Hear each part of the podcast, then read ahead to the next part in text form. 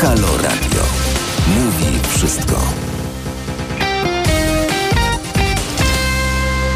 Jest 13.05.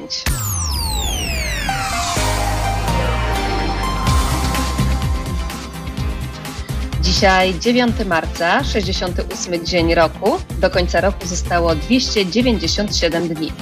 Z kwiatami z okazji imienin udajemy się dzisiaj do Dominika, Franciszki, Grzegorza i Kandyda. A w kartce z kalendarza mamy dzisiaj Dzień Statystyki Polskiej. A skoro tak, to kilka statystyk związanych z kobietami w Polsce. W 2019 roku w Polsce mieszkało 19,8 miliona kobiet, czyli stanowiłyśmy 51,6% populacji. Mamy obecnie w Polsce 156 parlamentarzystek. Posłanki stanowią 28,7%, a senatorki 24%. A jeśli chodzi o dane dotyczące zatrudnienia, na 100 kobiet z wykształceniem wyższym pracuje 75 kobiet. W przypadku mężczyzn jest ich 82. Na 100 kobiet z wykształceniem średnim zawodowym pracuje już tylko 45 kobiet. W przypadku mężczyzn jest ich 70, a z zasadniczym zawodowym już tylko 39 kobiet. W przypadku mężczyzn jest ich 62.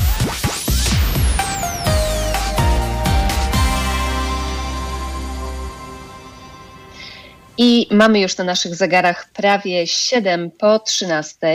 E, witamy się z Państwem w naszej cotygodniowej audycji e, Centrum Praw Kobiet w Halo Radio.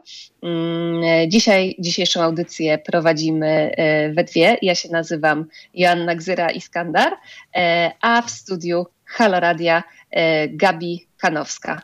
Cześć Gabi. Cześć wszystkim, dzień dobry. E, w naszym, tak, jak co tydzień spotykamy się z Państwem między, w każdy wtorek między 13 e, a 15 e, w audycji prowadzonej przez Centrum Praw Kobiet, więc poruszamy się w tematach związanych z feminizmem, z prawami kobiet, z przeciwdziałaniem przemocy. Mm, I przypomnę też Państwu od razu, jak możecie się z nami kontaktować. Czekamy na Wasze komentarze pod e, transmisjami na YouTubie i na Facebooku Halo Radio. E, możecie też do nas także pisać maile. Nasz adres to cpk.halo.radio, e, a numer telefonu do studia to 22 39 059 22. W naszej dzisiejszej audycji będziemy mówić sporo o historii. I nie będzie nudno, to gwarantujemy. E, mamy takie przeświadczenie, że historia e, w, na pewno w jakimś zakresie determinuje naszą tożsamość jako e, grupy społecznej i nas jako przedstawicielek tej konkretnej grupy.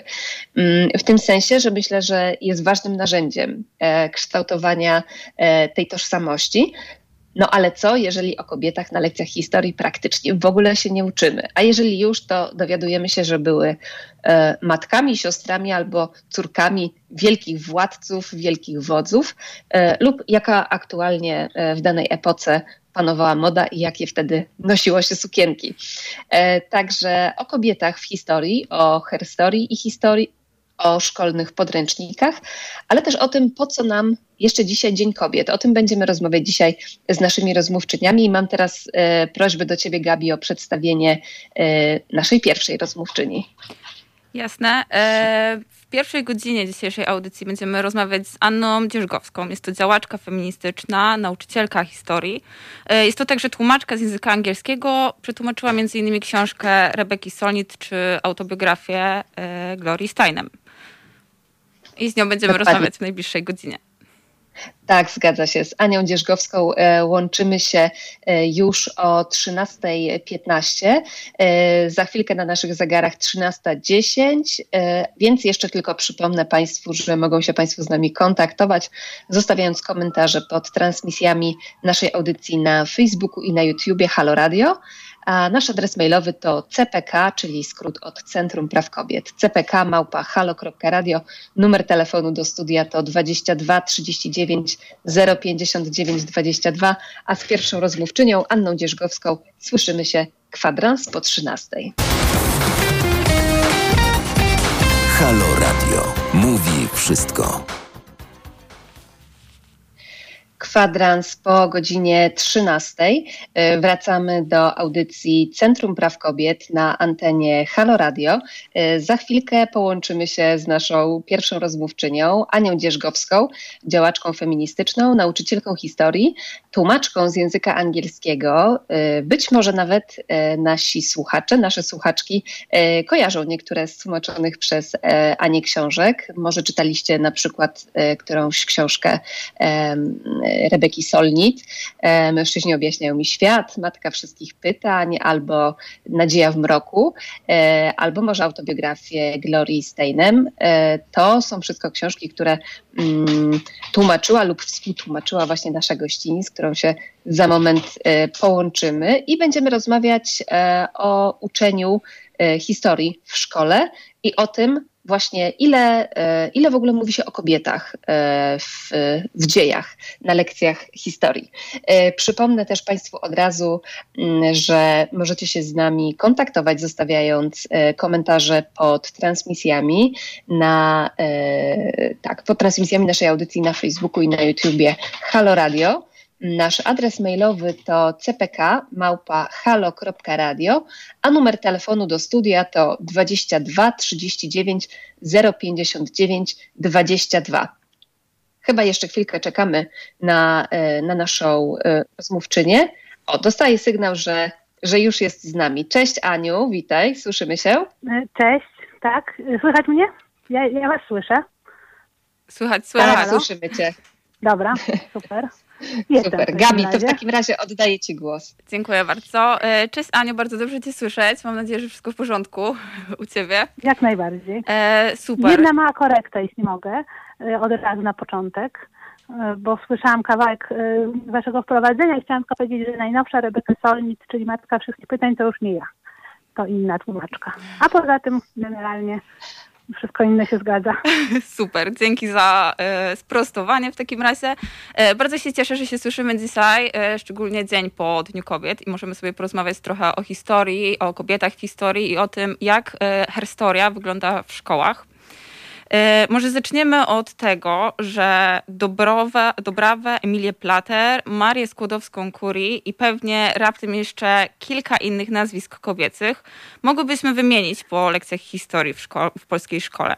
Ale dlaczego na lekcjach historii uczymy się przede wszystkim o królach, wojnach i traktatach, czyli o tej męskiej części historii? Czy e, w polskiej historii nie ma przestrzeni dla kobiet? Czy kobiety w polskiej historii nie brały udziału w jakichś ważniejszych wydarzeniach?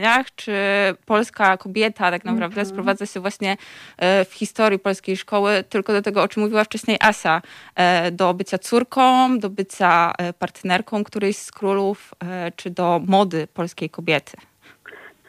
No tutaj jest jakby w tym pytaniu jest bardzo dużo rzeczy naraz, taki bardzo dużo poziomów jakby trudności, o których, na które, o których warto wspomnieć. To znaczy właśnie w ogóle zacznijmy od tego, że historia w naszej szkole to jest głównie historia polska. I to jest akurat taki trend, który się nasila. To bardzo wiele z tych rzeczy, o których będziemy dzisiaj mówić, to są rzeczy, które ja jeszcze pamiętam z mojej własnej szkoły w późnym PRL-u i pewne jakby tendencje, jeśli chodzi o uczenie historii, to są, to są bardzo stare i bardzo trwałe. Natomiast rzeczywiście rośnie dosyć systematycznie proporcja historii Polski w stosunku do historii reszty świata. Jest bardzo dużo Polski, jest troszeczkę Europy i praktycznie rzecz biorąc prawie nie ma tej reszty świata. I to wbrew pozorom dla historii y, ma też bardzo duże znaczenie.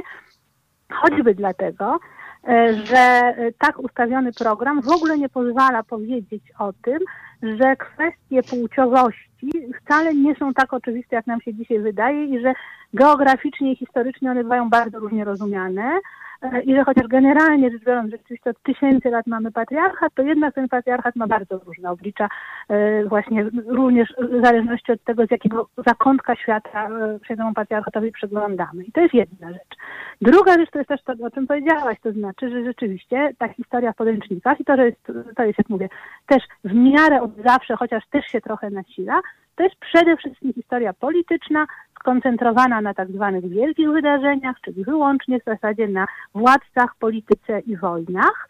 nawet w tej historii oczywiście dałoby się dużo więcej e, mówić o kobietach, ale jakby samo ustawienie tej historii w taki sposób jest już tak naprawdę i z naukowego i z dydaktycznego punktu widzenia bardzo niedobre, już nie mówiąc o tym, że z antydyskryminacyjnego punktu widzenia w ogóle generalnie fatalne, no bo jakby wpajać ludziom, że najważniejszą rzeczą na świecie jest wojna, to jest błąd pod każdym względem.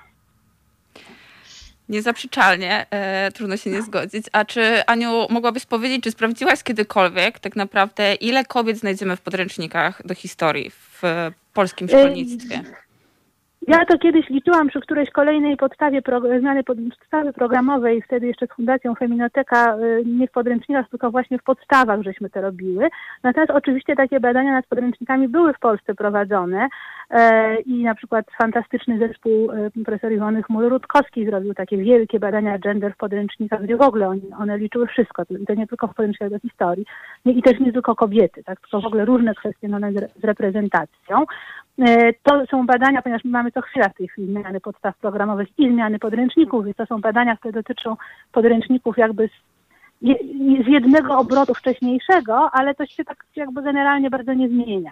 Tylko ja nie jestem też w ogóle taką znowu wielką fanką liczenia. Znaczy oczywiście jak liczyłam w podstawie programowej, wyliczyłam, że są trzy kobiety, no to, to była bardzo taka informacja, która się tak powiem dobrze medialnie sprzedawała, z tym, że jak mówię, nie jestem wielką fanką liczenia, ponieważ e, to jest oczywiście bardzo ważne, żeby się w historii pojawiały konkretne postacie, konkretne osoby, nazwiska, imiona, ale też strasznie ważne jest, żeby się pojawiały w ogóle takie tematy, gdzie nie trzeba już wymieniać konkretnie kobiet, tylko trzeba na przykład opowiedzieć o tym, jakie zawody były dostępne dla kobiet w średniowiecznej Europie, a jakie zawody były na przykład dostępne dla kobiet, czy jakie, jakie zajęcia były dostępne dla kobiet bo ja wiem e, na przykład e, w średniowiecznym świecie muzułmańskim, tak?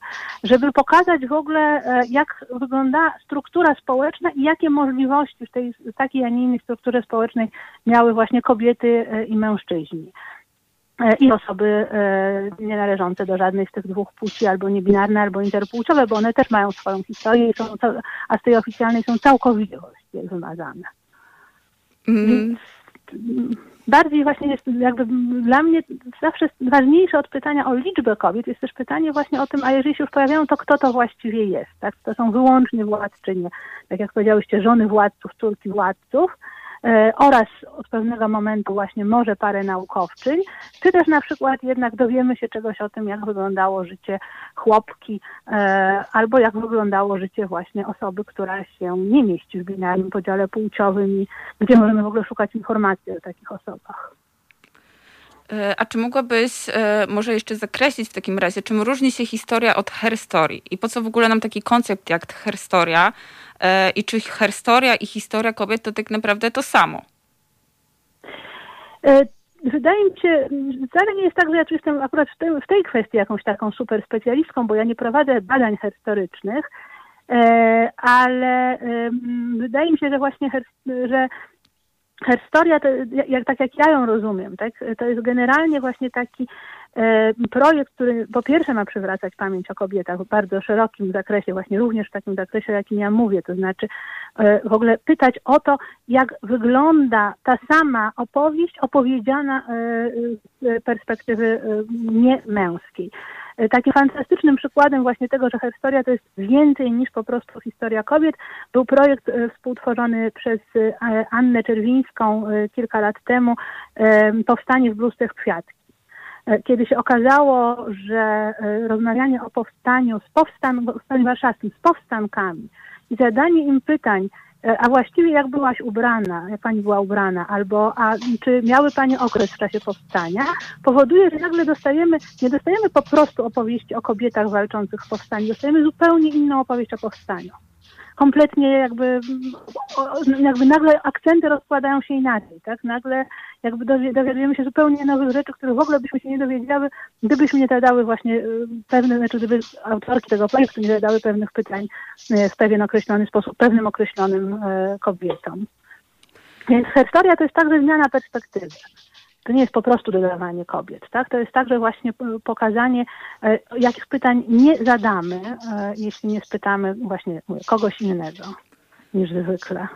E, rzeczywiście jest tak, że jeżeli uczymy się już e, na historii o kobietach, to rzadko są to mm, historie o konkretnych osobach, e, raczej są to historie o kobietach jako grupie społecznej. Czyli na przykład, że pod zaborami w geście oporu ubierało się ono na czarno, w jakieś żałobne stroje. Ale czy to znaczy, że w takim razie kobiety nie odegrały żadnej roli w historii? No, e, to właśnie jakby, to jest właśnie to pytanie o to, jak definiuje się historię, tak? To znaczy, ja zawsze powtarzam, że po szkole mało kto naprawdę, moim zdaniem, e, pamięta, czego był albo była uczona, albo uczony, ale wszyscy wychodzimy ze szkoły z jakimś takim przekonaniem, że właśnie historia to było to, czego żeśmy były i byli uczeni, czyli właśnie wojny, bitwy, głównie, tak? Wielka polityka, granice, narody. E, a to, e, co jest dla mnie takie strasznie ważne i do czego między innymi właśnie historia wydaje mi się niesłychanie jakby taka otwierająca, to jest właśnie powiedzenie sobie, że e, historia to jest dużo, dużo więcej niż te wojny, bitwy i narody. Historia to jest właśnie na przykład to, kto posiada środki produkcji, że tak powiem po marksistowsku, kto pracuje i jak są dzielone zyski z tej pracy. Czyli na przykład właśnie jakie, pra, jaką pracę wykonują kobiety, taką jakby w jaki sposób w ogóle dane społeczeństwo żyje, tak? Z czego żyje? E, w jaki sposób trwa, ile w tym, jak, jak ono trwa, jest składu kobiecego, ile męskiego. E, jakie są zadania właśnie i mężczyzn, e, albo właśnie różnych innych osób, jak mówię, nie mieszczących się w tym binarnym podziale, w tym, żeby dane społeczeństwo w ogóle mogło istnieć. Kto opowiada? E, bo przecież e, historia, e, znowu taka, jaką dzisiaj znamy, taka unaukowiona, to jest w dużej mierze dziedzictwo XIX wieku, ale opowiadanie sobie historii, opowiadanie baśni, opowiadanie w ogóle, to jest jedna z takich dość powszechnych i fundamentalnych rzeczy, które ludzie robią i które też w ogóle w jakimś sensie pozwalają nam przetrwać, nadawać sens rzeczywistości i tak dalej, tak? Więc kto jest opowiadaczką, opowiadaczem?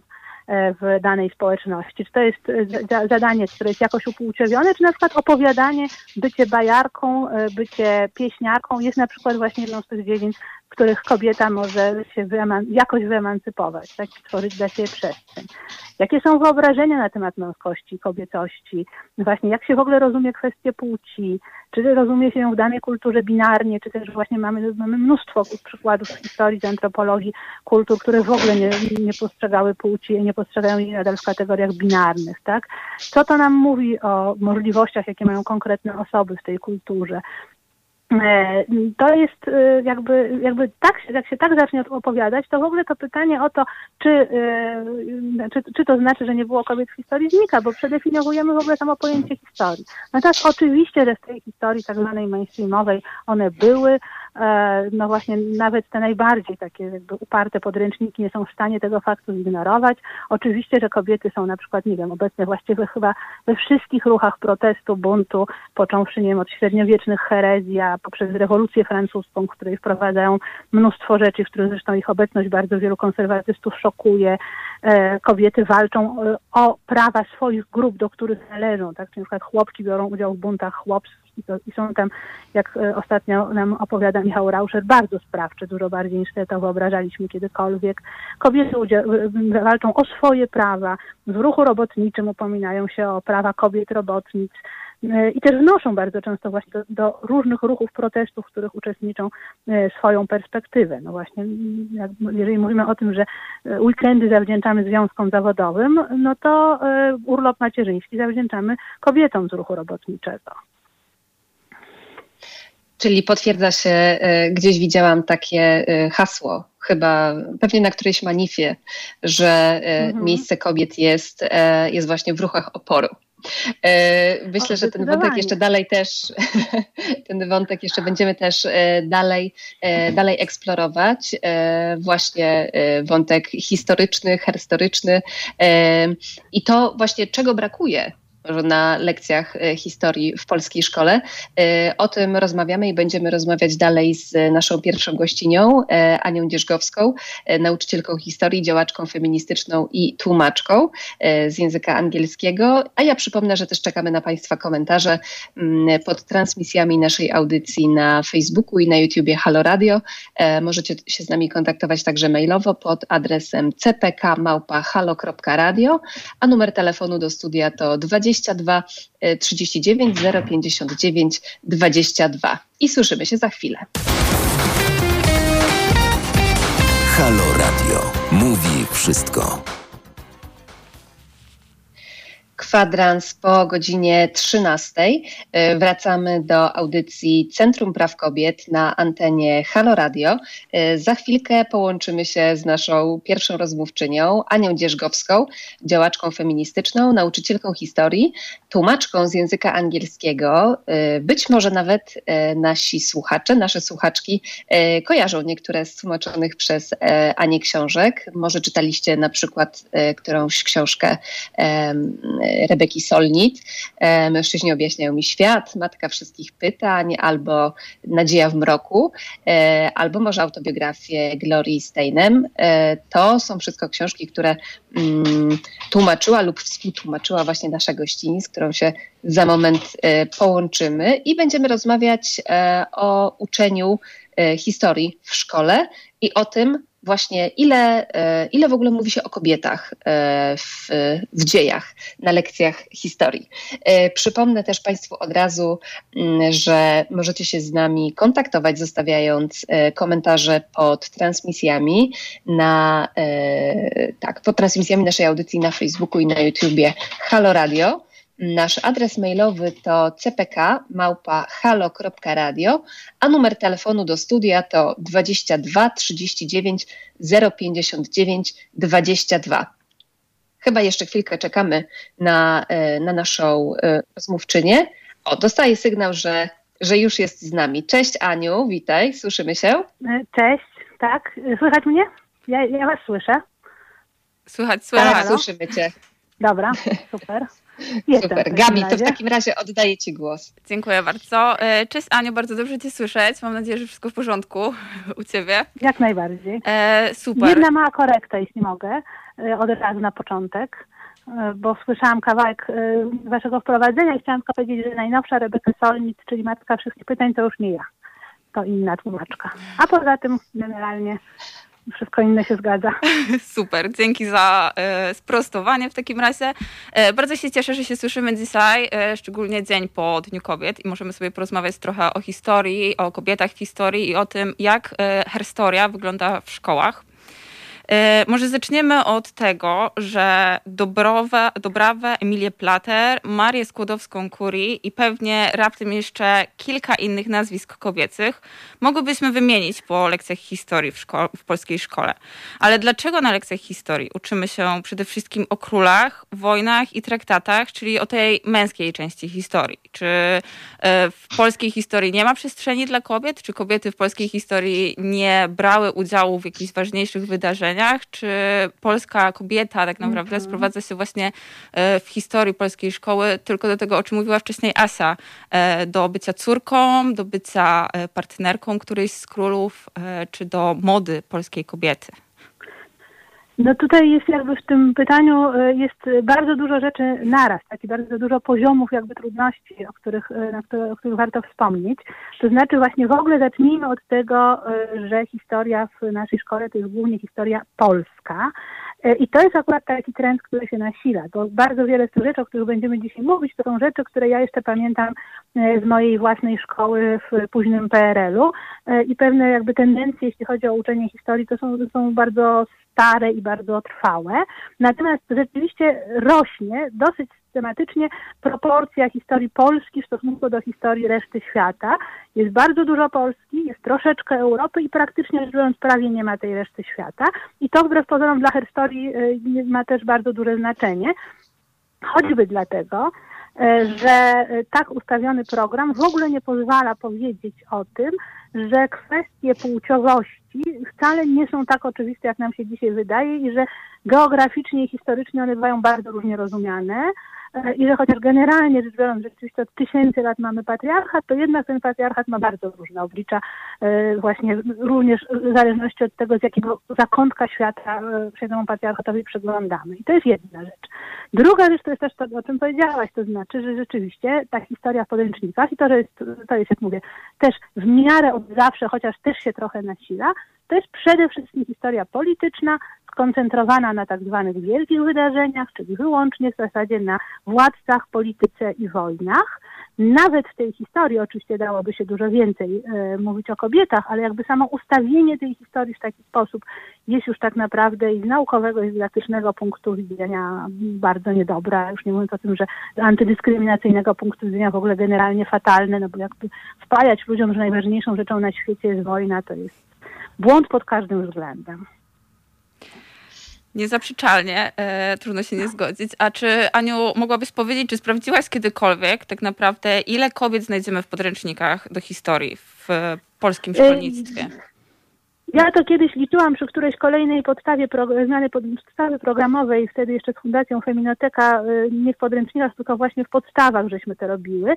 Natomiast oczywiście takie badania nad podręcznikami były w Polsce prowadzone e, i na przykład fantastyczny zespół e, profesor Iwony Chmur-Rutkowski zrobił takie wielkie badania gender w podręcznikach, gdzie w ogóle one, one liczyły wszystko, to nie tylko w podręcznikach do historii i też nie tylko kobiety, tak, tylko w ogóle różne kwestie z reprezentacją. E, to są badania, ponieważ my mamy co chwila w tej chwili zmiany podstaw programowych i zmiany podręczników, więc to są badania, które dotyczą podręczników jakby z, jednego obrotu wcześniejszego, ale to się tak jakby generalnie bardzo nie zmienia. Tylko ja nie jestem też w ogóle taką znowu wielką fanką liczenia. Znaczy oczywiście jak liczyłam w podstawie programowej, liczyłam, że są trzy kobiety, no to to była bardzo taka informacja, która się tak powiem dobrze medialnie sprzedawała, z tym, że jak mówię, nie jestem wielką fanką liczenia, ponieważ e, to jest oczywiście bardzo ważne, żeby się w historii pojawiały konkretne postacie, konkretne osoby, nazwiska, imiona, ale też strasznie ważne jest, żeby się pojawiały w ogóle takie tematy, gdzie nie trzeba już wymieniać konkretnie kobiet, tylko trzeba na przykład opowiedzieć o tym, jakie zawody były dostępne dla kobiet w średniowiecznej Europie, a jakie zawody były na przykład dostępne dla kobiet, czy jakie, jakie zajęcia były dostępne dla kobiet bo ja wiem e, na przykład e, w średniowiecznym świecie muzułmańskim, tak? Żeby pokazać w ogóle, e, jak wygląda struktura społeczna i jakie możliwości w tej takiej, a nie innej strukturze społecznej miały właśnie kobiety i mężczyźni i osoby nie należące do żadnej z tych dwóch płci, albo niebinarne, albo interpłciowe, bo one też mają swoją historię, są, a z tej oficjalnej są całkowicie wymazane. Mm bardziej właśnie jest jakby dla mnie zawsze ważniejsze od pytania o liczbę kobiet jest też pytanie właśnie o tym, a jeżeli się już pojawiają, to kto to właściwie jest, tak? To są wyłącznie władczynie, tak jak powiedziałyście, żony władców, córki władców, oraz od pewnego momentu właśnie może parę naukowczyń, czy też na przykład jednak dowiemy się czegoś o tym, jak wyglądało życie chłopki, e, albo jak wyglądało życie właśnie osoby, która się nie mieści w binarnym podziale płciowym i gdzie możemy w ogóle szukać informacji o takich osobach. E, a czy mogłabyś może jeszcze zakreślić w takim razie, czym różni się historia od herstory i po co w ogóle nam taki koncept jak herstoria? E, i czy historia i historia kobiet to tak naprawdę to samo? E, wydaje mi się, wcale nie jest tak, że ja tu jestem akurat w, tej, w tej kwestii jakąś taką super specjalistką, bo ja nie prowadzę badań historycznych, e, ale wydaje mi się, że właśnie że historia, to, jak, tak jak ja ją rozumiem, tak, to jest generalnie właśnie taki E, projekt, który po pierwsze ma przywracać pamięć o kobietach w bardzo szerokim zakresie, właśnie również w takim zakresie, o jakim ja mówię, to znaczy e, w ogóle pytać o to, jak wygląda ta sama opowieść opowiedziana e, z perspektywy niemęskiej. Takim fantastycznym przykładem właśnie tego, że historia to jest więcej niż po prostu historia kobiet, był projekt współtworzony przez Annę Czerwińską kilka lat temu, Powstanie w bluzce kwiatki. Kiedy się okazało, że rozmawianie o powstaniu z powstan powstaniu warszawskim, z powstankami i zadanie im pytań, a właściwie jak byłaś ubrana, jak pani była ubrana, albo a czy miały pani okres w czasie powstania, powoduje, że nagle dostajemy, nie dostajemy po prostu opowieści o kobietach walczących w powstaniu, dostajemy zupełnie inną opowieść o powstaniu kompletnie jakby, jakby nagle akcenty rozkładają się inaczej, tak? Nagle jakby dowiadujemy się zupełnie nowych rzeczy, których w ogóle byśmy się nie dowiedziały, gdybyśmy nie zadały właśnie y, pewne, znaczy gdyby autorki tego projektu nie zadały pewnych pytań y, w pewien określony sposób, pewnym określonym y, kobietom. Więc historia to jest także zmiana perspektywy to nie jest po prostu dodawanie kobiet, tak? To jest także właśnie pokazanie, e, jakich pytań nie zadamy, e, jeśli nie spytamy właśnie kogoś innego niż zwykle. E, rzeczywiście jest tak, że jeżeli uczymy się już na historii o kobietach, to rzadko są to mm, historie o konkretnych osobach, raczej są to historie o kobietach jako grupie społecznej. Czyli na przykład, że pod zaborami w geście oporu ubierało się ono na czarno, w jakieś żałobne stroje. Ale czy to znaczy, że w takim razie kobiety nie odegrały żadnej roli w historii? No, e, to właśnie jakby, to jest właśnie to pytanie o to, jak definiuje się historię, tak? To znaczy, ja zawsze powtarzam, że po szkole mało kto naprawdę, moim zdaniem, e, pamięta, czego był albo była uczona, albo uczony, ale wszyscy wychodzimy ze szkoły z jakimś takim przekonaniem, że właśnie historia to było to, czego żeśmy były i byli uczeni, czyli właśnie wojny, bitwy, głównie, tak, wielka polityka, granice, narody, e, a to, e, co jest dla mnie takie strasznie ważne i do czego między innymi właśnie historia wydaje się niesłychanie jakby taka otwierająca, to jest właśnie powiedzenie sobie, że e, historia to jest dużo, dużo więcej niż te wojny, bitwy i narody. Historia to jest właśnie na przykład to, kto e, posiada środki produkcji, że tak powiem po marksistowsku, e, kto pracuje i jak są dzielone zyski z tej pracy. Czyli na przykład właśnie, jakie, pra, jaką pracę wykonują kobiety, taką, jakby w jaki sposób w ogóle dane społeczeństwo żyje, tak, z czego żyje, w jaki sposób trwa, ile w tym, jak, jak ono trwa, jest składu kobiecego, ile męskiego. E, jakie są zadania właśnie i mężczyzn, e, albo właśnie różnych innych osób, jak mówię, nie mieszczących się w tym binarnym podziale, w tym, żeby dane społeczeństwo w ogóle mogło istnieć. E, kto opowiada? Bo przecież historia, znowu taka, jaką dzisiaj znamy, E, taka unaukowiona, to jest w dużej mierze dziedzictwo XIX wieku, ale opowiadanie sobie historii, opowiadanie baśni, opowiadanie w ogóle, to jest jedno z takich dość powszechnych i fundamentalnych e, rzeczy, które ludzie robią i które też w ogóle w jakimś sensie pozwalają nam przetrwać, nadawać sens rzeczywistości i tak dalej, tak? E, więc kto jest opowiadaczką, opowiadaczem? E, w danej społeczności. Czy to jest e, zadanie, które jest jakoś upłciowione, czy na przykład opowiadanie, bycie bajarką, e, bycie pieśniarką jest na przykład właśnie jedną z tych dziedzin, których kobieta może się wyeman- jakoś wyemancypować, tak, stworzyć dla siebie przestrzeń. Jakie są wyobrażenia na temat męskości, kobiecości? Właśnie jak się w ogóle rozumie kwestie płci? Czy rozumie się ją w danej kulturze binarnie, czy też właśnie mamy, mamy mnóstwo przykładów z historii, z antropologii, kultur, które w ogóle nie, nie postrzegały płci, nie postrzegają jej nadal w kategoriach binarnych, tak? Co to nam mówi o możliwościach, jakie mają konkretne osoby w tej kulturze? E, to jest e, jakby, jakby tak, jak się tak zacznie opowiadać, to w ogóle to pytanie o to, czy, e, czy, czy to znaczy, że nie było kobiet w historii znika, bo przedefiniowujemy w ogóle samo pojęcie historii. Natomiast oczywiście, że w tej historii tak zwanej mainstreamowej one były, no właśnie nawet te najbardziej takie jakby uparte podręczniki nie są w stanie tego faktu zignorować.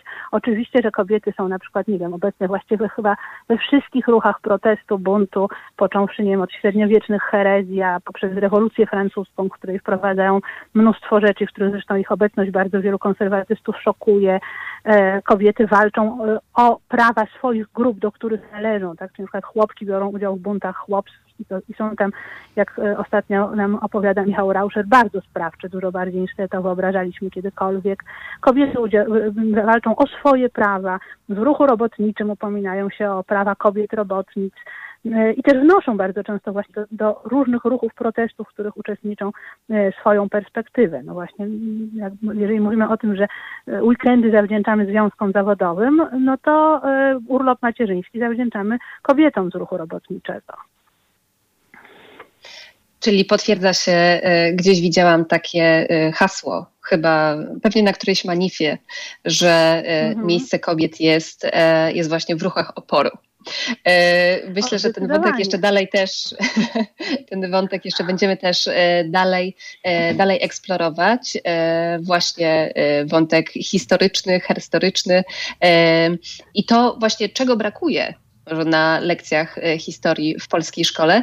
E, o tym rozmawiamy i będziemy rozmawiać dalej z naszą pierwszą gościnią, e, Anią Dzierżgowską, nauczycielką historii, działaczką feministyczną i tłumaczką z języka angielskiego. A ja przypomnę, że też czekamy na Państwa komentarze mm, pod transmisjami naszej audycji na Facebooku i na YouTubie Halo Radio.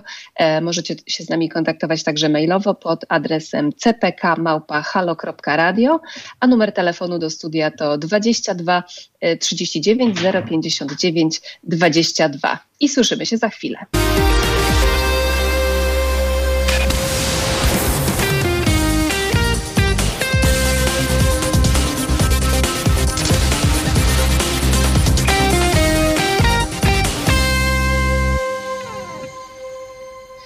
Zapraszamy Państwa także do stałego słuchania felietonistek i felietonistów Haloradia. E, dzisiejszy rozkład w naszym programie wygląda następująco.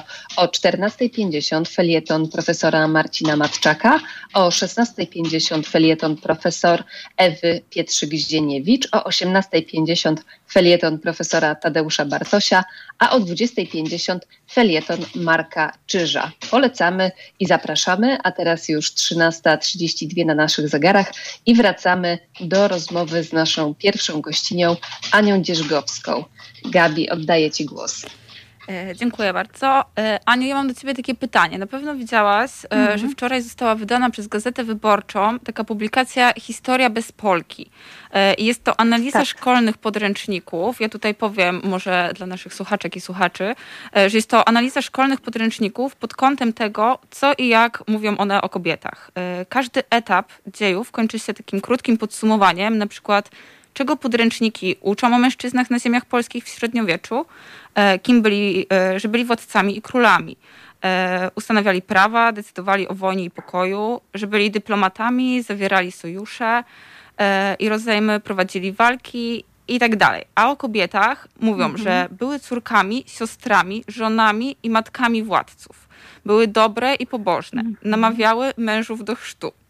E, podręczniki więc pokazują tak naprawdę, ale nie tłumaczą nierówności społecznych pomiędzy płciami, mhm. a może wręcz je utrwalają i sankcjują. Jak jest Twoim zdaniem? E, no zdecydowanie, to znaczy tak jak mówię, e, podręczniki jakby w ogóle podręczniki robią kilka rzeczy. To znaczy po pierwsze w ogóle nie zadają pytania, czy nie pokazują tak naprawdę dogłębnie, jak bardzo przeszłość różni się od teraźniejszości. A to jest w ogóle jedno z najważniejszych zadań historii. E, I akurat tutaj y, jesteśmy pewnie blisko właśnie gdzieś z antropologami, antropolożkami. To znaczy pokazać, że to nie jest tak, że po prostu kiedyś dawno temu ludzie nosili trochę inne ubranka e, i nie mieli e, niektórych narzędzi, które my dzisiaj mamy, tylko że naprawdę jakby ludzkość testowała w przeszłości bardzo różne modele życia, bardzo różne modele wzajemnych relacji i że te, które mamy dzisiaj zupełnie nie są oczywiste, bo to jest strasznie ważna rzecz, którą można by było wyciągnąć z fajnie y, uczonej historii. Natomiast podręczniki rzeczywiście tego nie robią. Podręczniki strasznie spłaszczają y, historii, a nawet dla bardzo małych dzieci dałoby się to robić fajniej y, i w bardziej taki właśnie subtelny sposób. E, no i jednocześnie rzeczywiście podręczniki bardzo, zwłaszcza polskie, e, to, zwłaszcza to ostatnie, bardzo starannie unikają pytania o nierówności społeczne, o niesprawiedliwość, o opór, o relacje władzy, o to, że te relacje władzy nie są przezroczyste ani neutralne. E, jakby no, to jest takie, przez podręcznictwo tak, to, jest, to było oczywiste, że mają być królowie do pewnego momentu, jakby to było oczywiste, że rządzi szlachta, E, I jakby to było oczywiste, że mężczyźni panowali nad kobietami, tam jest taki w tym, w tym materiale Gazety Wyborczej wspaniały fragment o tym, że szlachta, szlachcice rzadko byli swoje żony, bo nie wypadało. No super, no po prostu wspaniali, tak? E, ale rzeczywiście tak podany, tak podany tekst e, jakby w ogóle nie daje przestrzeni do zastanowienia się nad tym, na przykład czym właśnie jest przemoc w relacjach hierarchicznych, tak? w tym w relacjach małżeńskich, czy w ogóle jest małżeństwo. E, nie pozwala nawet powiedzieć, ten podręcznik nie pozwala powiedzieć tego, że tak naprawdę model rodziny i model małżeństwa się historycznie niesłychanie zmienia. I że ten, który mieliśmy ostatnio, który właśnie kończy, był bardzo młody i bardzo krótkotrwały. Także, jak mówię, to, to jest, jak ta historia jest spłaszczona. E, I taka spłaszczona, e, ona się ostatecznie nadaje tylko do tego, żeby ją zakuwać i zapominać, a nie do tego, żeby zadawać na jej podstawie jakieś ciekawe pytania. Dokładnie, chciałabym... Bardzo fajny. Mhm. Tylko jeszcze chciałam powiedzieć, że bardzo fajny jest ten materiał Gazety Wyborczej. Bardzo żałuję, że w nim się nie znalazło właśnie miejsce na powiedzenie o wcześniejszych projektach e, badań podręcznikowych, bo to też jest część naszej herstorii. To znaczy to, że takie badania były robione, to, że właśnie mamy ileś herstoryczek, które już od lat pracują właśnie między innymi nad tematem podręczników, tak? E, byłoby super, gdyby taki materiał e, zawierał chociaż najbardziej podstawowe informacje również o tym. Także to nie jest pierwszy raz, kiedy ktoś się przygląda podręcznikom.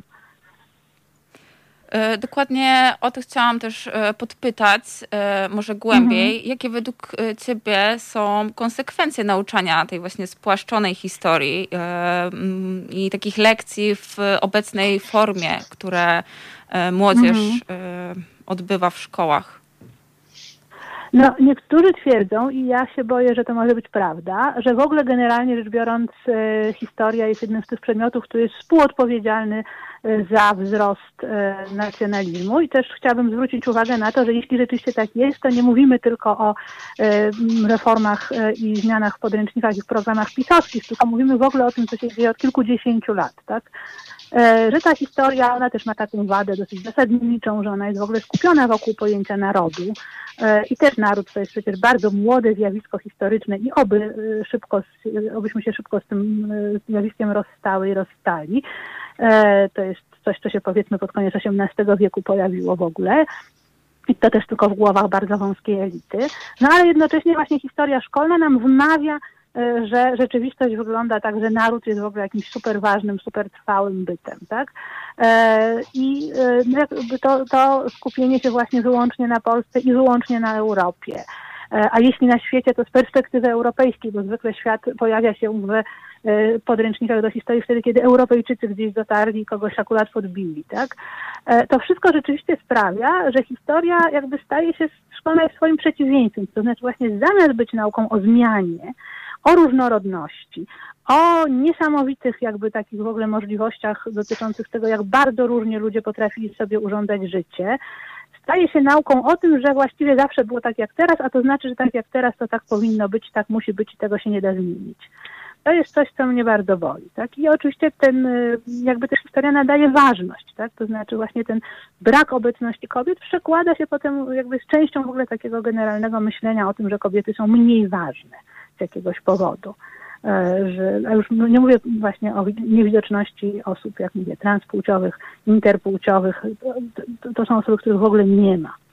E, ja nie jestem też bardzo przywiązana do takiej idei, że, ale podobno tak trochę jest, ja tak nie mam, tak, ale jakby generalnie tak się mówi, trochę tak jest, że jakby dla, że dla młodych osób jakby też zobaczenie siebie w podręczniku, zobaczenie kogoś, z kim mogą się identyfikować, to jednak ma duże znaczenie wychowawcze. Także człowiek się po prostu czuje silniejszy, silniejsza, jeśli się dowiaduje, że kiedyś w tej przeszłości były takie osoby jak on, ona albo podobne do niego, do niej, że jakby ich życie było też ważne, tak? E, I z tego punktu widzenia też jest tak, że rzeczywiście no, dzisiejsza uczennica e, bardzo niewiele znajdzie dla siebie e, jakichś wzorów, tak?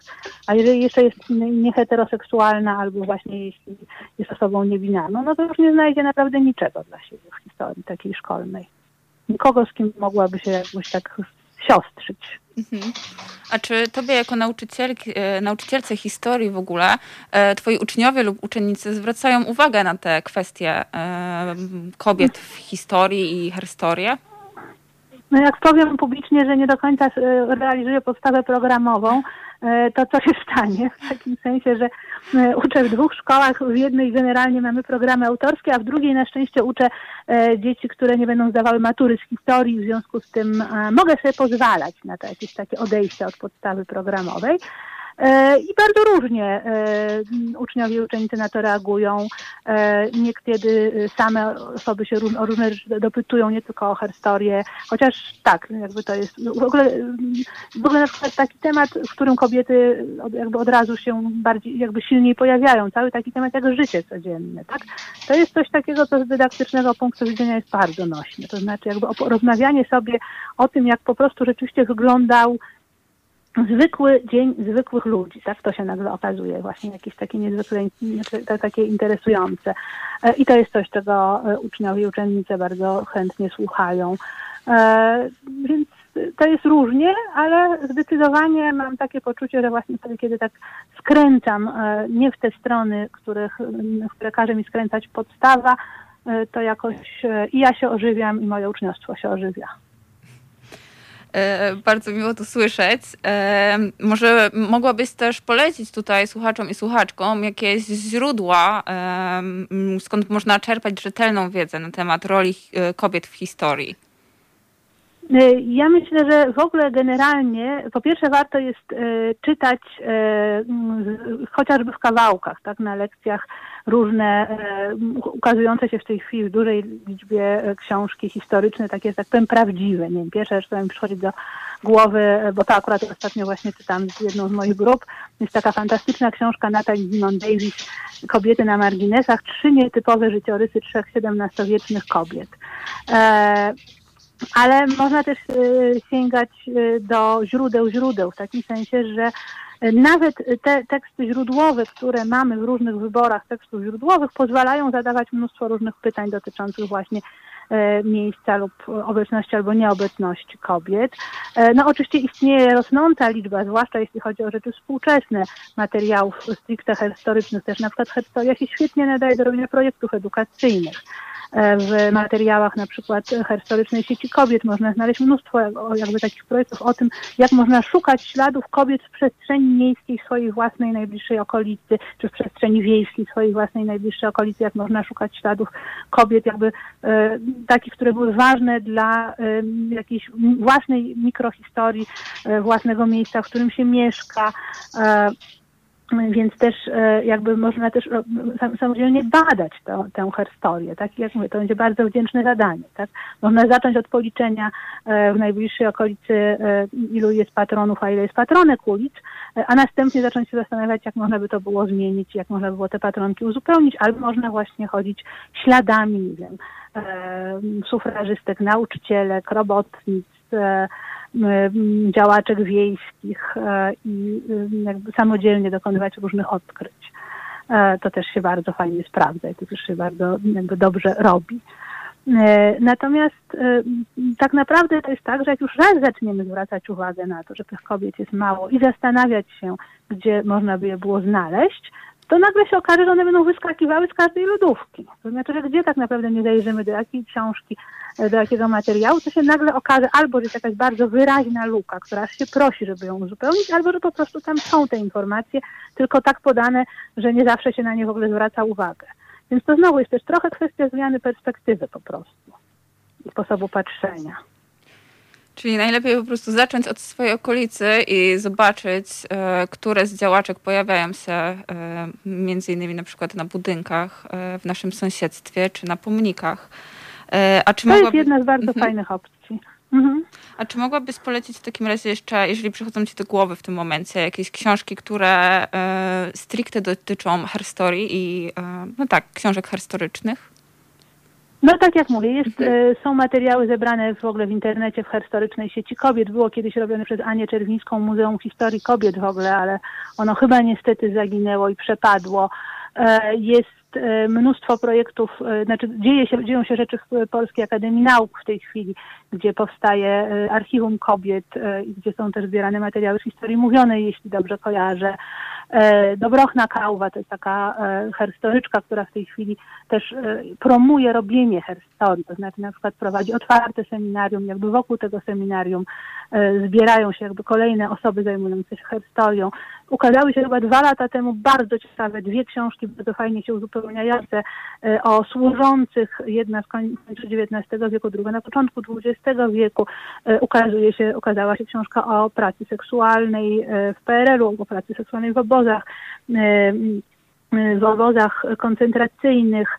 Też takich nowszych rzeczy to e, widziałam ostatnio, jeszcze nie czytałam, ale mignęła mi publikacja na temat właśnie w ogóle kobiet w PRL-u. To jest e, bardzo też taki jakiś historycznie odzyskiwany w tej chwili obszar pojawia się, e, jakby mamy w tej chwili takie mocne wejście tematu historii ludowej i w tym temacie historii ludowej też zaczynają się dziać jakby badania dotyczące ludowej historii Polski. I znowu, jak się wpisze w internet zwrot ludowy, e, nie zwrot, przepraszam, historycznych historii ludowej, to niedawno było na ten temat jakieś takie duże wydarzenia online, można sobie to po prostu też pooglądać, posłuchać, kto co mówi. Więc jeśli chodzi o takie rzeczy najnowsze, to po prostu się dzieje. Jakby właściwie teraz to mamy tak, że prawie codziennie coś się nowego pojawia, tak? Albo jakieś są wydarzenia, albo właśnie są jakieś nowe książki. E, jeśli chodzi o historię dawniejszą, to na przykład dla średniowiecza fantastyczną pracę wykonała Regine Pernod, jest taka cudowna książka Kobieta w czasach katedr, Jest Sylwia Federici, którą cały czas czekamy, aż zostanie przetłumaczona książka Caliban and the Witch, która jest między innymi o tym, dlaczego kapitalizm odbiera nam prawo do aborcji ale też dlaczego kapitalizm właśnie potrzebuje, dlaczego do rozwoju kapitalizmu trzeba skłócić kobiety z mężczyznami e, i jakby w ogóle wprowadzić taki antagonizm. Fantastyczna książka.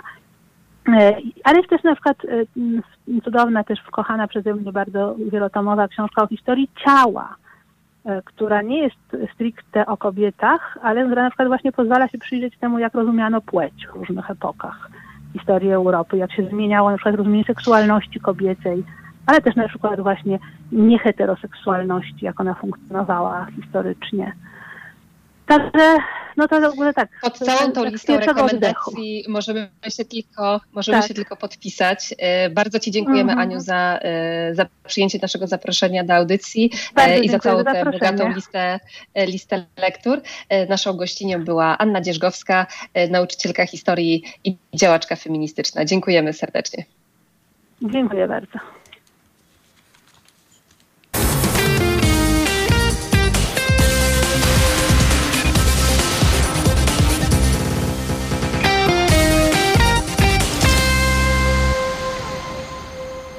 13.52 na naszych zegarach. Słuchacie audycji Centrum Praw Kobiet w Halo Radio. Przed chwilką zakończyłyśmy rozmowę z naszą pierwszą rozmówczynią, e, z Anią Dzierżgowską, nauczycielką historii i działaczką feministyczną. Ja się powiem szczerze, e, trochę ucieszyłam, ale też to jest e, no, niepokojące niestety, że Ania potwierdziła te nasze intuicje, które nam przyświecały, jak przygotowywałyśmy się do tej audycji o tej takiej mm, ważnej roli historii w kształtowaniu właśnie e, tożsamości. E, I to, co Ania powiedziała właśnie, że to zobaczenie w podręczniku kogoś, kogoś, z kim, na kim można się wzorować, z kim można się jakoś e, utożsamić, czy, e, czy siostrzyć, jak to ładnie Ania ujęła, no na pewno jest istotne właśnie dla młodych ludzi, którzy dopiero kształtują swoje tożsamości na tym etapie mm, szkolnym, a tymczasem no właśnie, brakuje kobiet, brakuje osób nieheteronormatywnych, niecyspłciowych, czyli osób transpłciowych, osób niebinarnych, także faktycznie tutaj jeszcze bardzo, bardzo, bardzo dużo mm, jest do zrobienia. E, świetnie, że dużo się też dzieje. E, myślę, że to też jest taka iskierka. E, to też wynika z tego, co Ania mówiła. Cała lista tych lektur i inicjatyw. No ja będę chyba pierwszą osobą, która te lektury będzie nadrabiać. Myślę, że tak możemy myślę. to zrobić wspólnie zdecydowanie. Jest ich bardzo dużo. Dobra. Ale jest to pozytywna akurat, pozytywny aspekt tego, co się dzieje naokoło. Tak, dokładnie, ale są też niestety właśnie z Anią tego, e, tego wątku nie poruszyłyśmy, bo są też rzeczy niestety niepokojące, e, które się w naszej, e, w naszej rzeczywistości dzieją. Tak, zdecydowanie. I taką niepokojącą sytuacją na pewno jest odwołanie e, festiwalu Herdox, który miał odbyć się na 8 marca.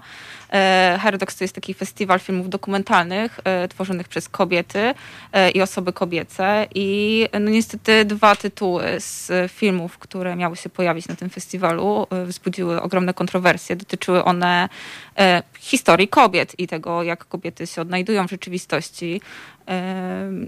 Między innymi także stanowisko stracił dyrektor Filmoteki Narodowej, która współorganizowała festiwal. E, całe szczęście festiwal, z tego co wiem, dzisiaj widziałam e, informację, czy tam nawet wczoraj, e, festiwal się odbył dzięki innej platformie, innej organizacji, która tam osobom pomogła. Aczkolwiek tak, no jest to zdecydowanie dziwna i kontrowersyjna sytuacja, odwoływać festiwal kobiecy na 8 marca. Tak, no trudno, trudno się oprzeć takim skojarzeniom, że to jest po prostu takie no, e, cenzurowanie tej historii kobiet. E, jakaś taka forma i, i, cały czas kurczę, niestety się, to, niestety się to dzieje. No, na szczęście znajdują się też właśnie jakieś alternatywne rozwiązania, ale czy o to chodzi? Żebyśmy zawsze musiały szukać jakichś alternatywnych rozwiązań. E, mam nadzieję, że nie i mam nadzieję, że, e, że w przyszłym roku taki festiwal już się e, odbędzie na, na normalnych, ustalonych zasadach. Dokładnie. Tymczasem przypomnę Państwu, że czekamy też na Wasze komentarze pod naszymi transmisjami na YouTubie i na Facebooku Halo Radio. Możecie się z nami także kontaktować mailowo pod adresem cpk.halo.radio, a numer telefonu do studia to 22 39 059 22. I słyszymy się chwilę po 14. Halo Radio. Mówi wszystko. Jest 14.05.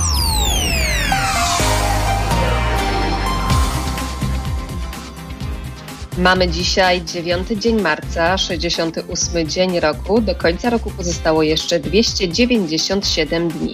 Imieniny obchodzą dzisiaj Katarzyna, Mścisława, Przemyśl, Libor i Samanta. Życzymy wszystkiego najlepszego. A w naszej karcie z kalendarza widzimy, że 9 marca to Dzień Polskiej Statystyki. W związku z czym w naszej audycji przedstawiamy statystyki dotyczące kobiet. A skoro za mikrofonem Centrum Praw Kobiet, to przypomnijmy też niestety trochę niepokojących statystyk dotyczących przemocy wobec kobiet. Według badań profesor Beaty Gruszczyńskiej nawet milion kobiet w Polsce rocznie doświadcza przemocy.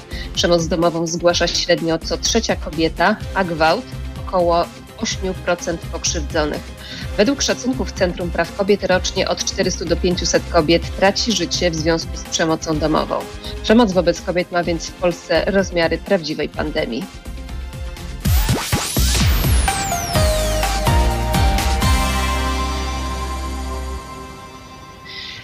6,5 minuty po godzinie 14 wracamy do audycji Centrum Praw Kobiet na antenie Haloradia. E, ale zanim powiemy Państwu, co przygotowałyśmy na tę drugą godzinę audycji, e, jeszcze, że zapraszamy Państwa do stałego słuchania felietonistek i felietonistów Haloradia.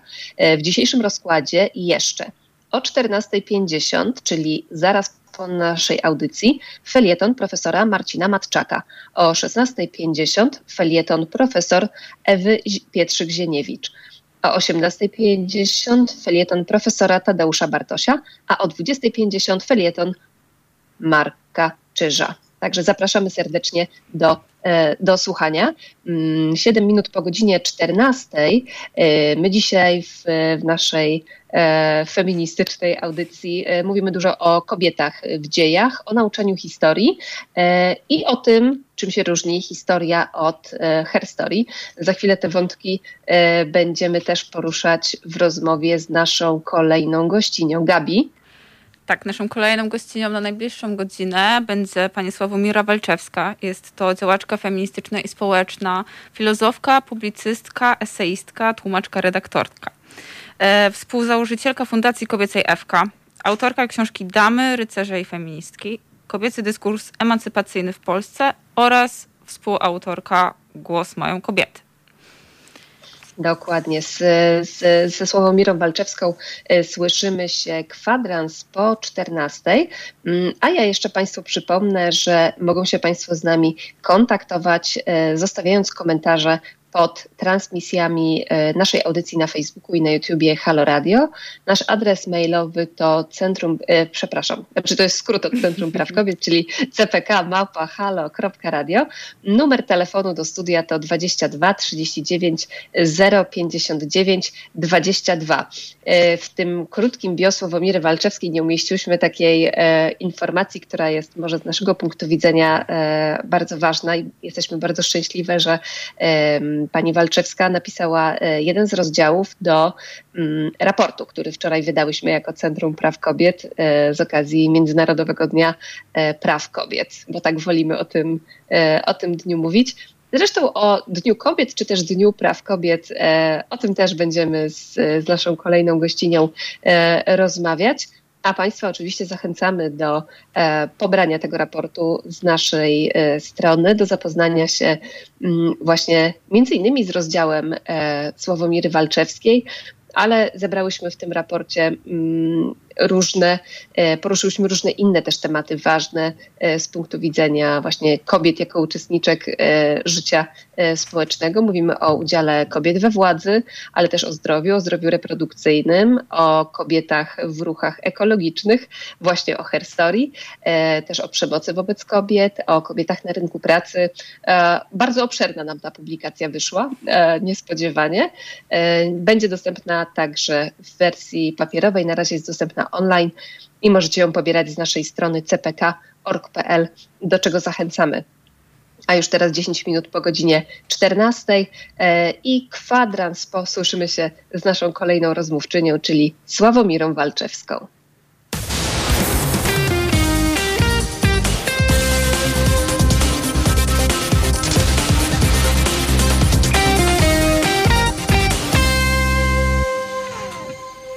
I kwadrans po godzinie 14. E, zgodnie z zapowiedzią wracamy do e, naszej audycji Centrum Praw Kobiet na antenie Halo Radio, a z nami jest już Sławomira Walczewska, nasza kolejna gościni, działaczka feministyczna i społeczna, filozofka, publicystka, eseistka, tłumaczka, redaktorka, współzałożycielka Fundacji Kobiecej FK. Dzień dobry. Dzień dobry, witam.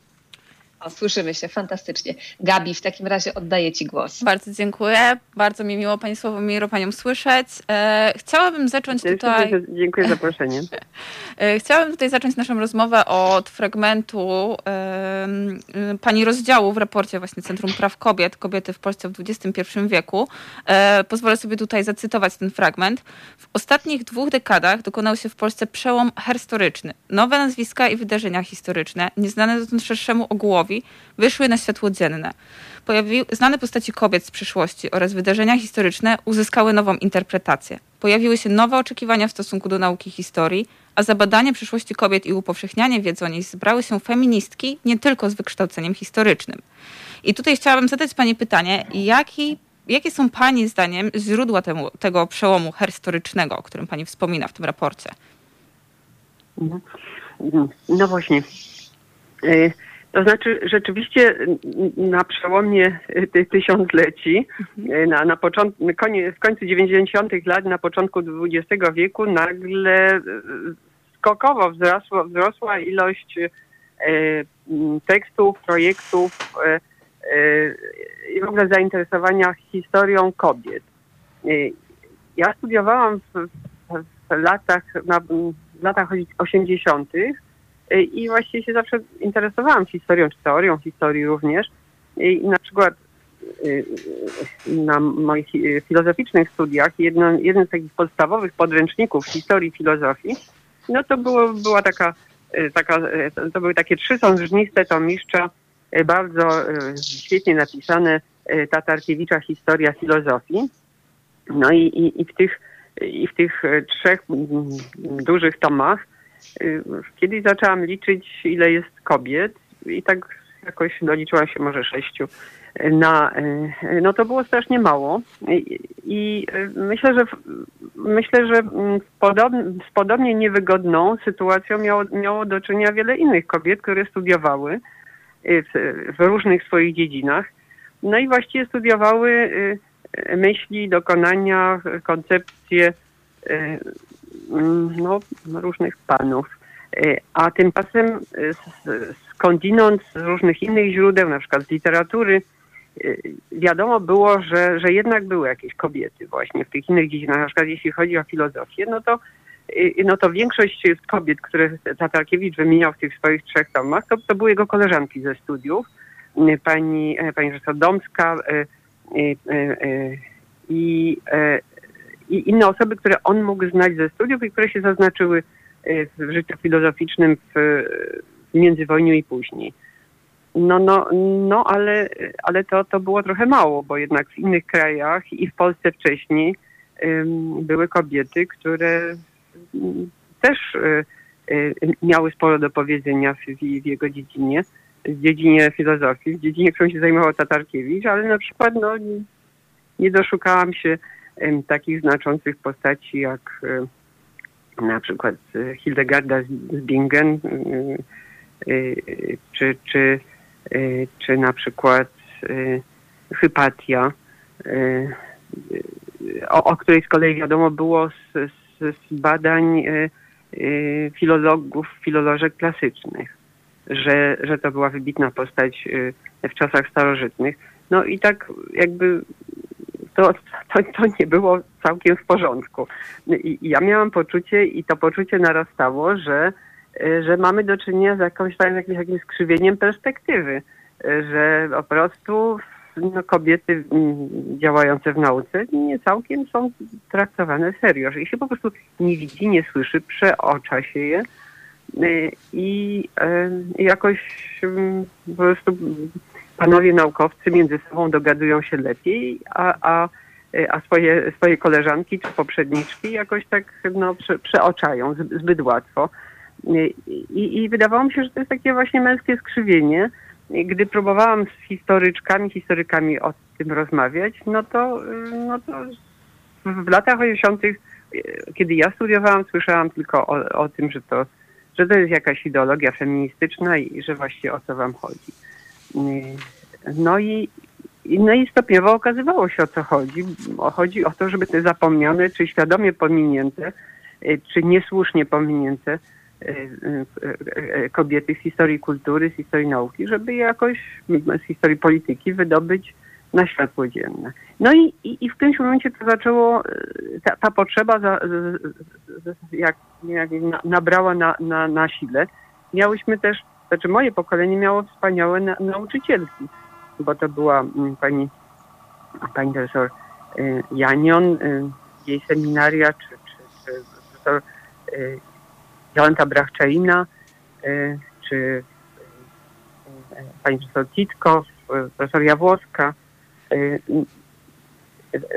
pani profesor Żarnecka, no to były, to były osoby, które nam, młodszemu pokoleniu, stworzyły przestrzeń e, do tego, żeby, żeby zajmować się tym, co one same e, w swoich pracach, w swoim, w swoim myśleniu zauważyły i, i, i, i, i czemu. I, one, one zadbały o to, żeby, żeby, żeby otworzyć nam drzwi, nam czyli następnemu pokoleniu. E, ja napisałam mój doktorat o, o historii emancypacji, myśli, myślenia emancypacyjnego kobiet w Polsce.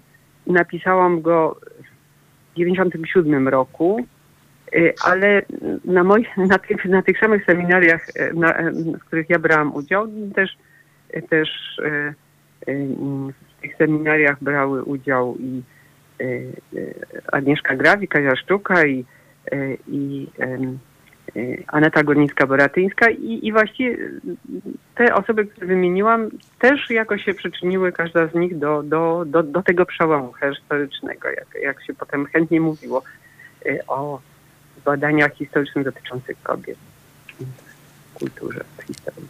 Tak jak pani właśnie wspomniała, w latach 90. Y, historycy byli przekonani o małej wartości badań nad historią e, Polski. Jak zaznacza Pani w badaniu, większość z nich traktowała podejścia do badań nad udziałem kobiet w historii za feministyczną propagandę.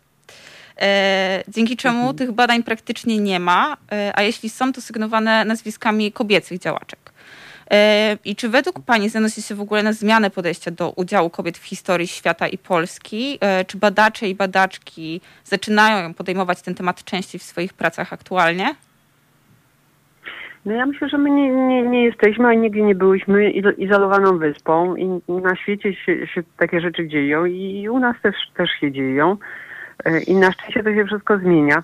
E, fantastycznie, że powstał ten raport, e, który pokazuje sytuację, raport Centrum Praw Kobiet, który, który mm, jest takim rzutem oka na sytuację kobiet w, pierwszym, w pierwszych dwóch dekadach naszego tysiąclecia.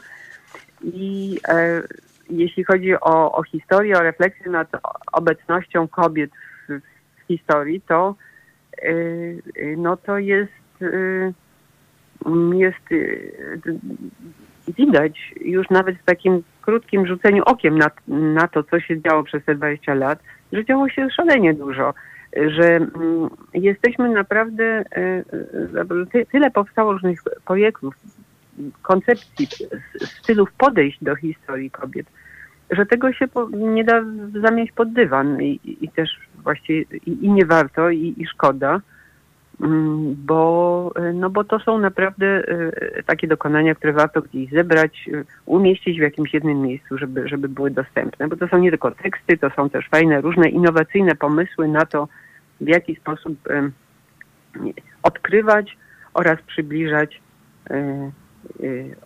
sprawę obecności kobiet w historii i tej dawnej, i tej najnowszej. Mhm. A Pani Sławomiora, ja mam takie pytanie. E, skąd się wzięły w Polsce feministki? Aha. Ja myślę, że to temat rzeka, ale myślę, że tutaj dla naszych słuchaczy i słuchaczek może to być e, ważna informacja, tym bardziej, że jest to audycja w temacie herstory i mm, historii Pol e, Polek na, no właśnie, właśnie. W tych, w tych w latach 80. To, to, był, to, to pytanie od razu było związane z zarzutem, albo słyszało się od razu, co, co wy tutaj robicie, jakie feministki w Polsce. My tu jesteśmy krajem, w którym kobiety się całuje w rękę. Centrum Praw Kobiet ma trochę więcej na ten temat do powiedzenia, co się robi też, co się dzieje tutaj kobietom w Polsce ale, no ale wtedy panowała taka, e, e, powszechnie panowała taka ideologia, że taka, taka jakby e, zmowa, czy nie wiem, jakaś taka, taki stan zbiorowej hipnozy to był. Jakby uważało się, że w Polsce kobiety są traktowane specjalnie i specjalnie dobrze. Są przepuszczane przez drzwi i dowodem na to miało być to przepuszczanie przez drzwi, jako pierwsze i całowanie w rękę, no i jeszcze, jeszcze te kwiaty mm, przy różnych okazjach.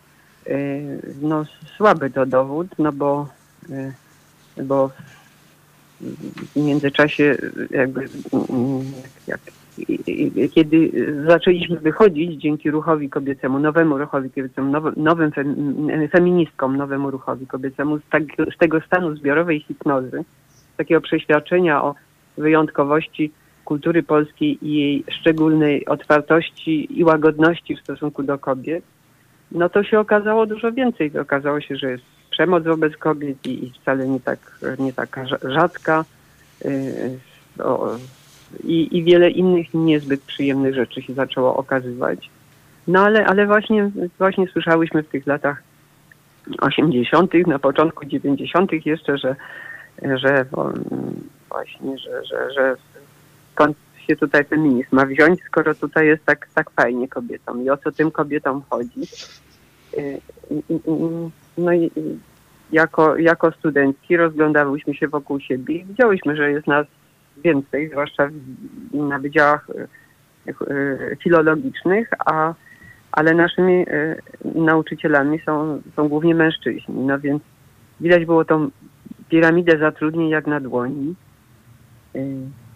i im, im wyżej w hierarchii, hierarchii uniwersyteckiej, im wyżej w hierarchii mm, y, różnego typu rad, gremiów po, politycznych również, to tym, tym mniej kobiet tam było.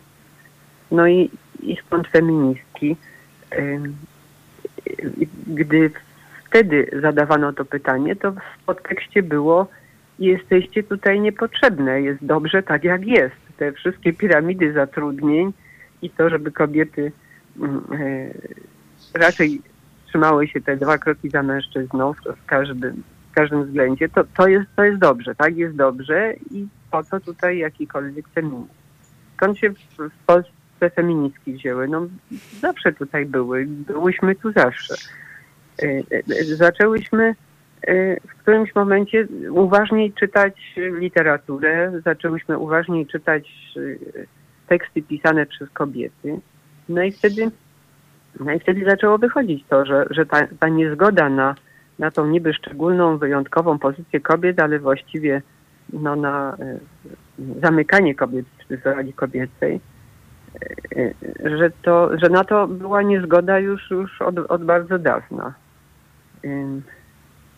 No i, i to, to, to, nie jest, to nie jest nic nowego z tym, z tym feminizmem.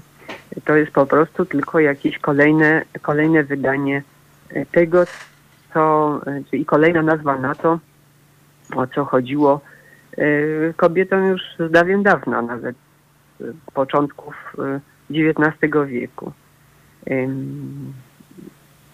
Najbardziej znana kobieca grupa emancypacyjna z tamtych czasów to, to, to entuzjastki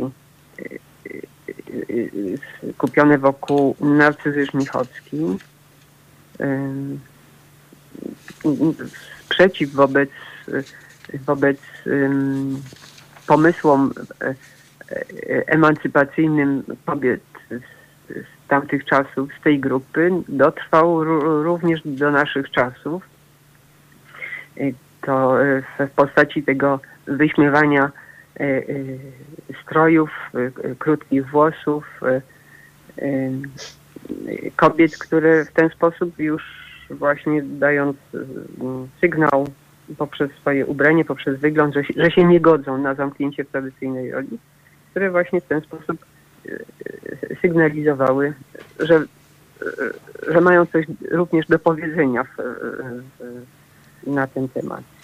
Nie chodziło tylko na, o. Na ten, na, ten moment, na ten moment w tym miejscu postawimy kropkę, ale wątek entuzjastek e, tej grupy jeszcze będziemy kontynuować. Naszą gościnią jest Sławomira Walczewska. Do rozmowy wracamy już za chwilkę. To jest Halo Dzień w Halo Radio. www.zrzutka.pl ukośnik Halo Radio. 10 zł miesięcznie. Od połowy z ponad 300 tysięcy naszych słuchaczek i słuchaczy pozwoli nam działać tak, jak powinniśmy, czyli poruszać tematy nieobecne w mediach korporacyjnych, a przede wszystkim obnażać intencje i działania władzy przy jednoczesnym pytaniu opozycji o konkrety. A nie nienawidzić władzy i kochać opozycję, bo nie o to chodzi, zarówno w dziennikarstwie, jak i wśród nas wszystkich. Mówi profesor doktor habilitowany Ryszard Cichocki, socjolog z Uniwersytetu Adama Mickiewicza w Poznaniu. O, to jest piękny wskaźnik na koniec. Istotą kompetencji obywatelskiej jest to, czy mamy krytyczny stosunek do polityków i każdego polityka y, oceniamy krytycznie, czy zakochujemy się w politykach. Zakochują się w politykach ludzie o małych rozumkach, bez kompetencji, prawda? Jak się zakochujemy, to już jest źle. Tak, nieważne, kim ten polityk jest. Wszystkie informacje na temat możliwości wspierania Halo Radia, w tym płatności elektronicznych i zwykłych przelewów bankowych, na stronie www.halo.radio ukośnik SOS. Polecamy też nasze konto na www.zrzutka.pl ukośnik Halo Radio. Dziękujemy.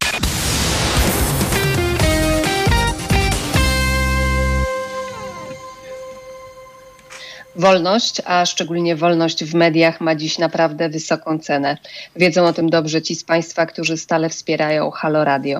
Za to wsparcie chcemy w tym tygodniu szczególnie podziękować między innymi pani Hannie ze Świebodzic, pani Elizie z Mielca, panu Wojciechowi z Lublina, pani Sylwii z Gdańska, panu Ziemowitowi z Piotrkowa Trybunalskiego, panu Andrzejowi ze Skawiny, panu Leszkowi ze Staszowa, panu Jackowi z Warszawy, pani Ewie z Oleśnicy i pani Alinie z Olsztyna.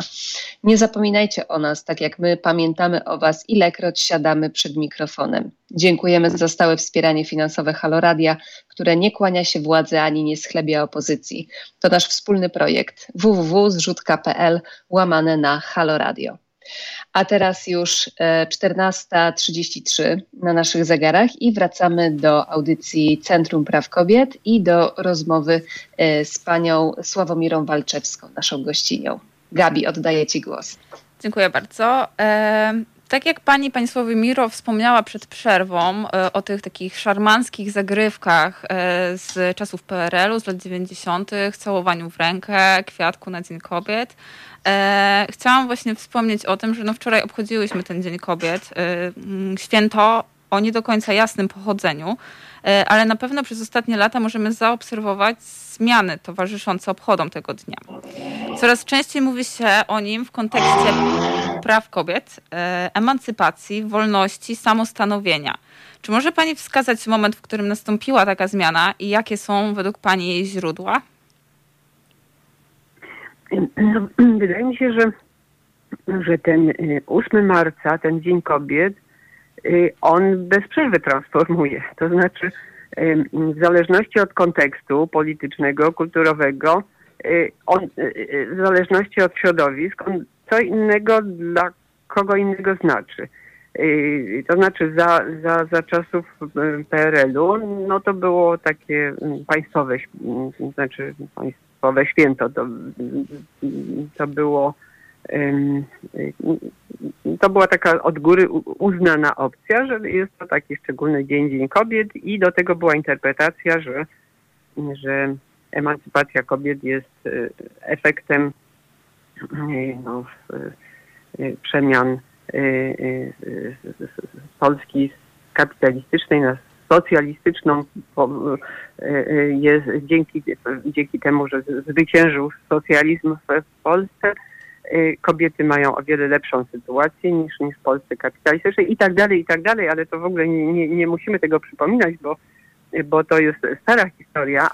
Potem z kolei w czasie transformacji było takie gwałtowne odrzucenie, że mm, tego Dnia Kobiet mówiło się o tym, że to jest że to jest takie komunistyczne święto, kto obchodzi to święto, to jest po prostu jakimś osobą z, z jakichś takich trochę już dawnych czasów, nie pasującą do, do, do nowej sytuacji.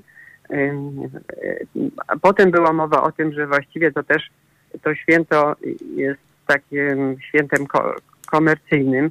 Właściwie chodzi o to tylko biznes, biznesom różnych maści, żeby jak najwięcej kwiatków i perfum sprzedać.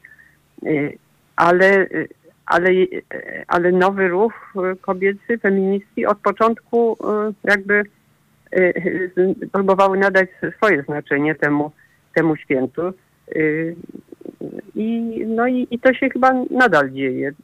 Znaczy nie, nie chodzi w tym 8 marca w ruchu kobiecym o, o to, o te kwiatki, o te perfumy, tylko właśnie dokładnie o to, co, co, co pani mówiła. O tym, żeby zwrócić uwagę na sytuację kobiet, o, o tym, żeby, y, żeby nie udawać, że, że wszystko jest fajnie i że mamy, y, że, że nie ma żadnych y, jakby problemów. Osoba, która, która jest kobietą, że rzeczywiście ma równe szanse, tylko, tylko mówić o tym, co jest, co jest nie tak i co, co jeszcze trzeba by było zmienić. No ostatnio sporo rzeczy jest nie tak, co pokazały te demonstracje wczorajsze i ich przebieg. Ciężko się nie zgodzić oczywiście. E, to może w takim razie przejdziemy jeszcze do tematu głównego audycji, czyli e, Her Story. I czy mogłaby Pani powiedzieć e, parę zdań na temat tego, jak może lub powinna wyglądać edukacja o Her Story w dzisiejszej Polsce?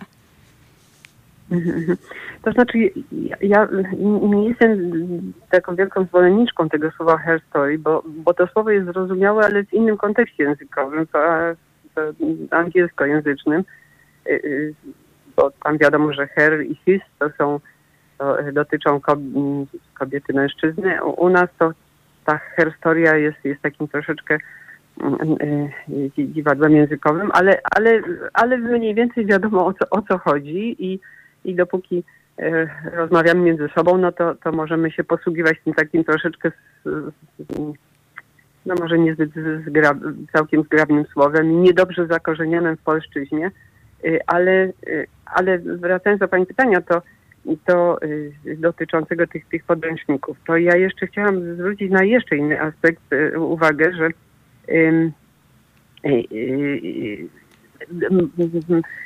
sam raport dotyczył najnowszej historii. Myśmy zaczęły od e, entuzjastyk, y, ale raport, no jeśli chodzi o entuzjastki, no to właściwie y, y, to jest, to jest historia, która się działa dosyć dawno. Już, już tam się już nic nie zmieni. To, to się stało, to było. Entuzjastki były i trzeba tylko się dowiedzieć więcej o nich i, i, i trzeba sobie przybliżyć te, to, o co, o co im chodziło. Natomiast ta historia, o której e, pani napisały w raporcie, e, i ja się, i ja się miałam przyjemność do tego przyczynić, dotyczy historii, która się dzieje. Ona się dzieje na naszych, e, na naszych ciałach, na naszych głowach, duszach my uczestniczymy w niej albo aktywnie, albo, albo biernie. Ta, ta najnowsza historia to jest historia, w, której, w której rozgrywa się nasze życie. I teraz jak, jak, jak pisać o tej historii? Zanim ona się znajdzie w podręcznikach, to, no to, to, to mamy, mamy takie duże zadanie, żeby, żeby, żeby oni w jakiś sensowny sposób napisać, żeby to nie było jednostronne, żeby to nie było z jakiejś jednej perspektywy. Ja wymyśliłam za potrzeb te, tego naszego tego właśnie tekstu w raporcie, wymyśliłam taki koncept nie, ja posłużyłam się konceptem Piotra Nory, konceptem tak zwanych miejsc historii, tak, miejsc, ale nie rozumianych przestrzennie, miejsc pamięci, a nie rozumianych przestrzennie, tylko, tylko jakby symbolicznie. Czyli chodziło o to, żeby, żeby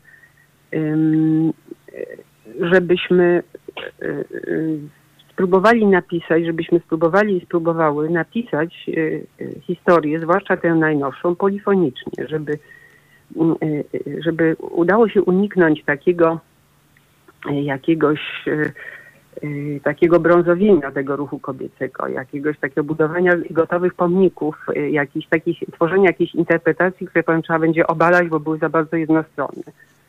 Więc te, ten, ten koncept miejsc pamięci E, czyli e, uświadomienia sobie takich jakichś ważnych punktów w historii, punktów w sensie pojęć, nazwisk, miejsc fizycznych, próbować, żeby sobie zrobić taką mapę tych, tych, tych, mówiąc Pierrem Norą, miejsc pamięci i dopuścić do głosu jak najwięcej podmiotów, które miały, mają o tym coś do powiedzenia. I tak pisana historia najnowsza wydaje mi się najbardziej, y, najlepiej rokującym przedsięwzięciem. Najlepiej rokującym w tym sensie, że najmniej się, na, jak najmniej narażona jest na jednostronność, na, na, jako, na takie jakieś zwichnięcia ideologiczne, na poddawanie się naciskom politycznym.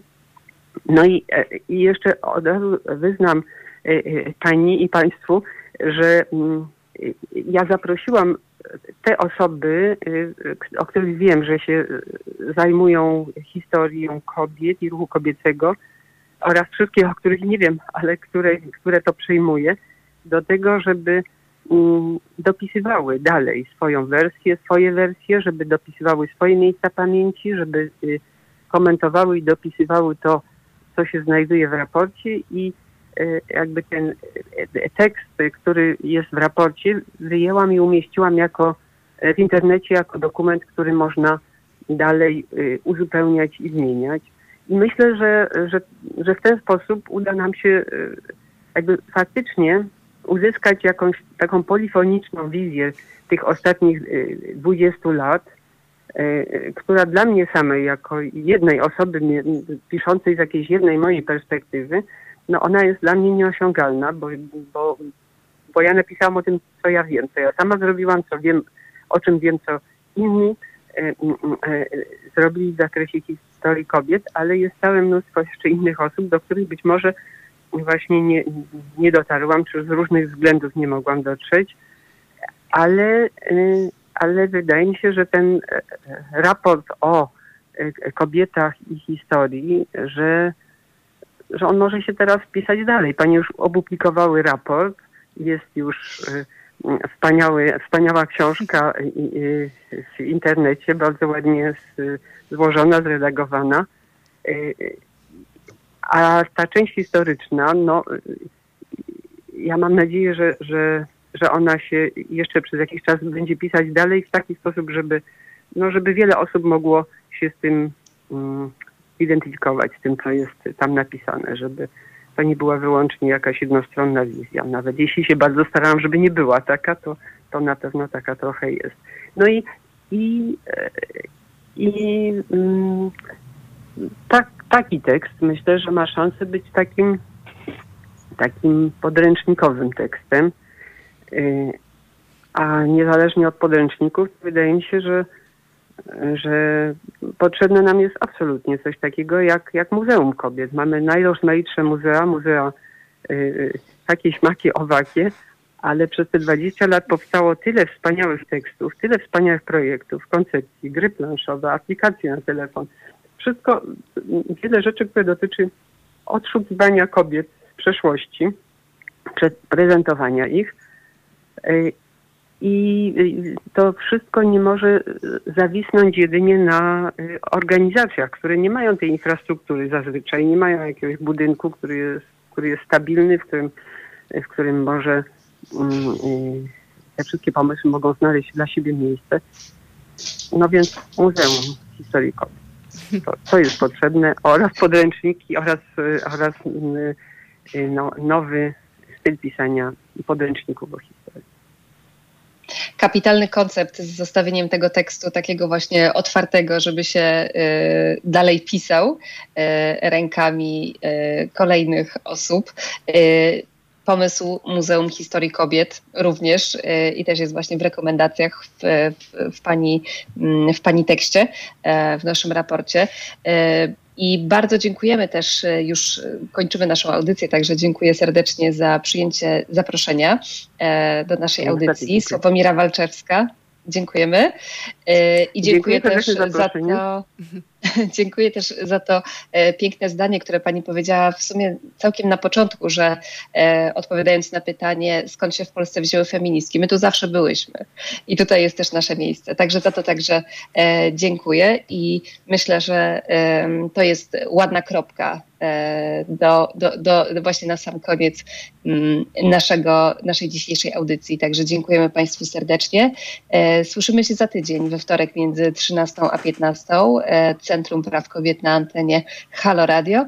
A dzisiaj e, byłyśmy z Wami e, we dwie. Ja się nazywam Joanna Gzyra-Iskandar, a ze studia Halo Radio ja, czyli Gabi Kanowska. Dziękuję bardzo. Dziękujemy i do usłyszenia za tydzień.